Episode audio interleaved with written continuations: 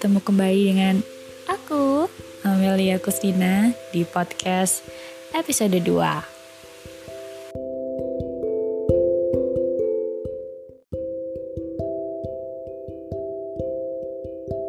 Di podcast episode ini, aku ingin menceritakan tentang kondisi atau pengalaman apa yang aku alami di umur 21 tahun kepada para pendengar setiaku yang oh, aku nggak tahu siapa yang dengerin. Tapi sebenarnya aku tuh pengen banget cerita ke kalian. Siapa pun yang mendengarkan ya. Aku tidak berharap sebenarnya untuk didengarkan oleh siapa pun. Karena ya tujuan aku bikin ini bukan untuk dikonsumsi secara massal. Biar didengerin banyak orang. Enggak juga sih. Lebih ke aku pengen mengekspresikan dan mengenang apa yang aku punya di umur-umur emasku itu. Gitu.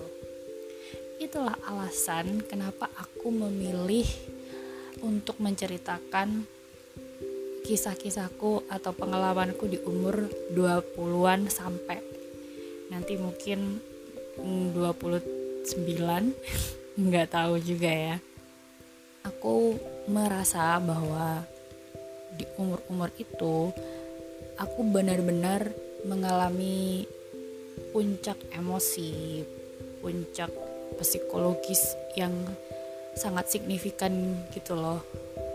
Aku jadi orang yang lebih dewasa dari aku SMA ke kuliah itu merasakan sekali perbedaan kondisi psikologisnya. Mungkin orang-orang bisa nyebut itu dengan quarter life crisis tapi aku nggak nggak pernah membaca secara detail apa itu quarter life crisis jadi aku tidak mengistilahkan bahwa umur 20-an adalah quarter life crisis atau sebagainya karena aku nggak baca itu jadi lebih aku ingin cerita di umur 21 tahun itu apa aja yang aku alami dan aku ngerasa nih kayaknya juga dialami oleh teman-temanku yang ketika itu sedang di fase yang sama. Nah, di umur 21 tahun itu kalau nggak salah aku lagi ngerjain tugas akhir di akhir semester. Udah jelas banget kalau kita lagi ngerjain tugas akhir, mata kuliah yang diambil pun mungkin udah agak ada ya kayaknya tuh udah nggak ada jadi udah jarang banget ke kampus kalau nggak cuman minta ACC dan bimbingan ke dosen karena kita jarang ke kampus, kita jarang ketemu teman-teman, jarang berinteraksi sama mereka. So, kebanyakan mendem di kos. Mendem di kos membuat aku itu jadi males buat doing something gitu ya malas itu merambah juga ke tugas akhir.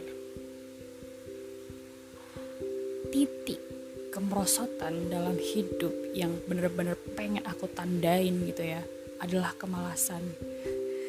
Karena kemalasan benar-benar membuat kita tidak produktif dan membuat segalanya berantakan. Kejiwaan, pekerjaan, everything.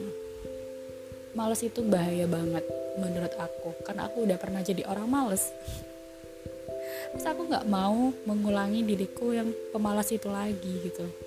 Ketika aku males aku ngerasa bahwa aku benci sama diriku karena aku harus berjuang buat bangkit dari rasa malas. Dan bangkit dari rasa malas itu susahnya minta ampun kayak gitu.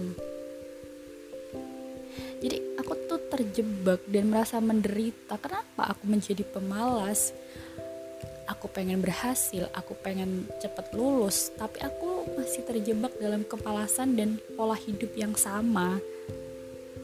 Itulah itulah. Jadi kayak aku berharap ada orang yang bisa mukul aku ada orang yang bisa memotivasi aku ketika itu. Dan aku baca sebuah kutipan yang benar-benar nampar banget dari Bapak Rando Kim dia adalah penulis favorit yang benar-benar menyelamatkan banyak sekali kondisi psikologis yang aku alami di umur 20-an. Dalam bukunya itu dia bilang kayak gini. Saat terjebak pada kemalasan, kamu mengharapkan sebuah pukulan dari luar untuk mengembalikan pikiranmu ke arah yang benar. Pukulan itu dapat berupa apa aja? Dapat berupa saran dari temanmu atau kejadian mengejutkan? Yang sebenarnya pukulan itu tidak ada. Atau mungkin pukulan itu sebenarnya selalu ada. Si karena kalimat itu aku sadar. Yang bisa memotivasi diriku sendiri. Ya cuman aku. Ya aku juga nggak bohong sih kalau misal kita butuh motivasi atau saran dari teman-teman kita itu pasti. Atau dari orang tua itu pasti. Tapi terkadang kita butuh kesadaran dari diri kita sendiri. Karena kalau kita sendiri nggak sadar kita juga gak akan bangkit-bangkit dari kemalasan kayak gitu. Jadi itu aja cerita ceritaku di umur 21 tahun. Karena ketika itu emang gak ada udah jarang sibuk-sibuk di organisasi juga. Intinya sih soal kemalasan ya. Kemalasan tapi pengennya berhasil mana ada kan. Jadi nggak ada. So semoga pengalaman aku bisa bermanfaat buat kalian yang sedang mengalami masa-masa malas sama seperti aku. See you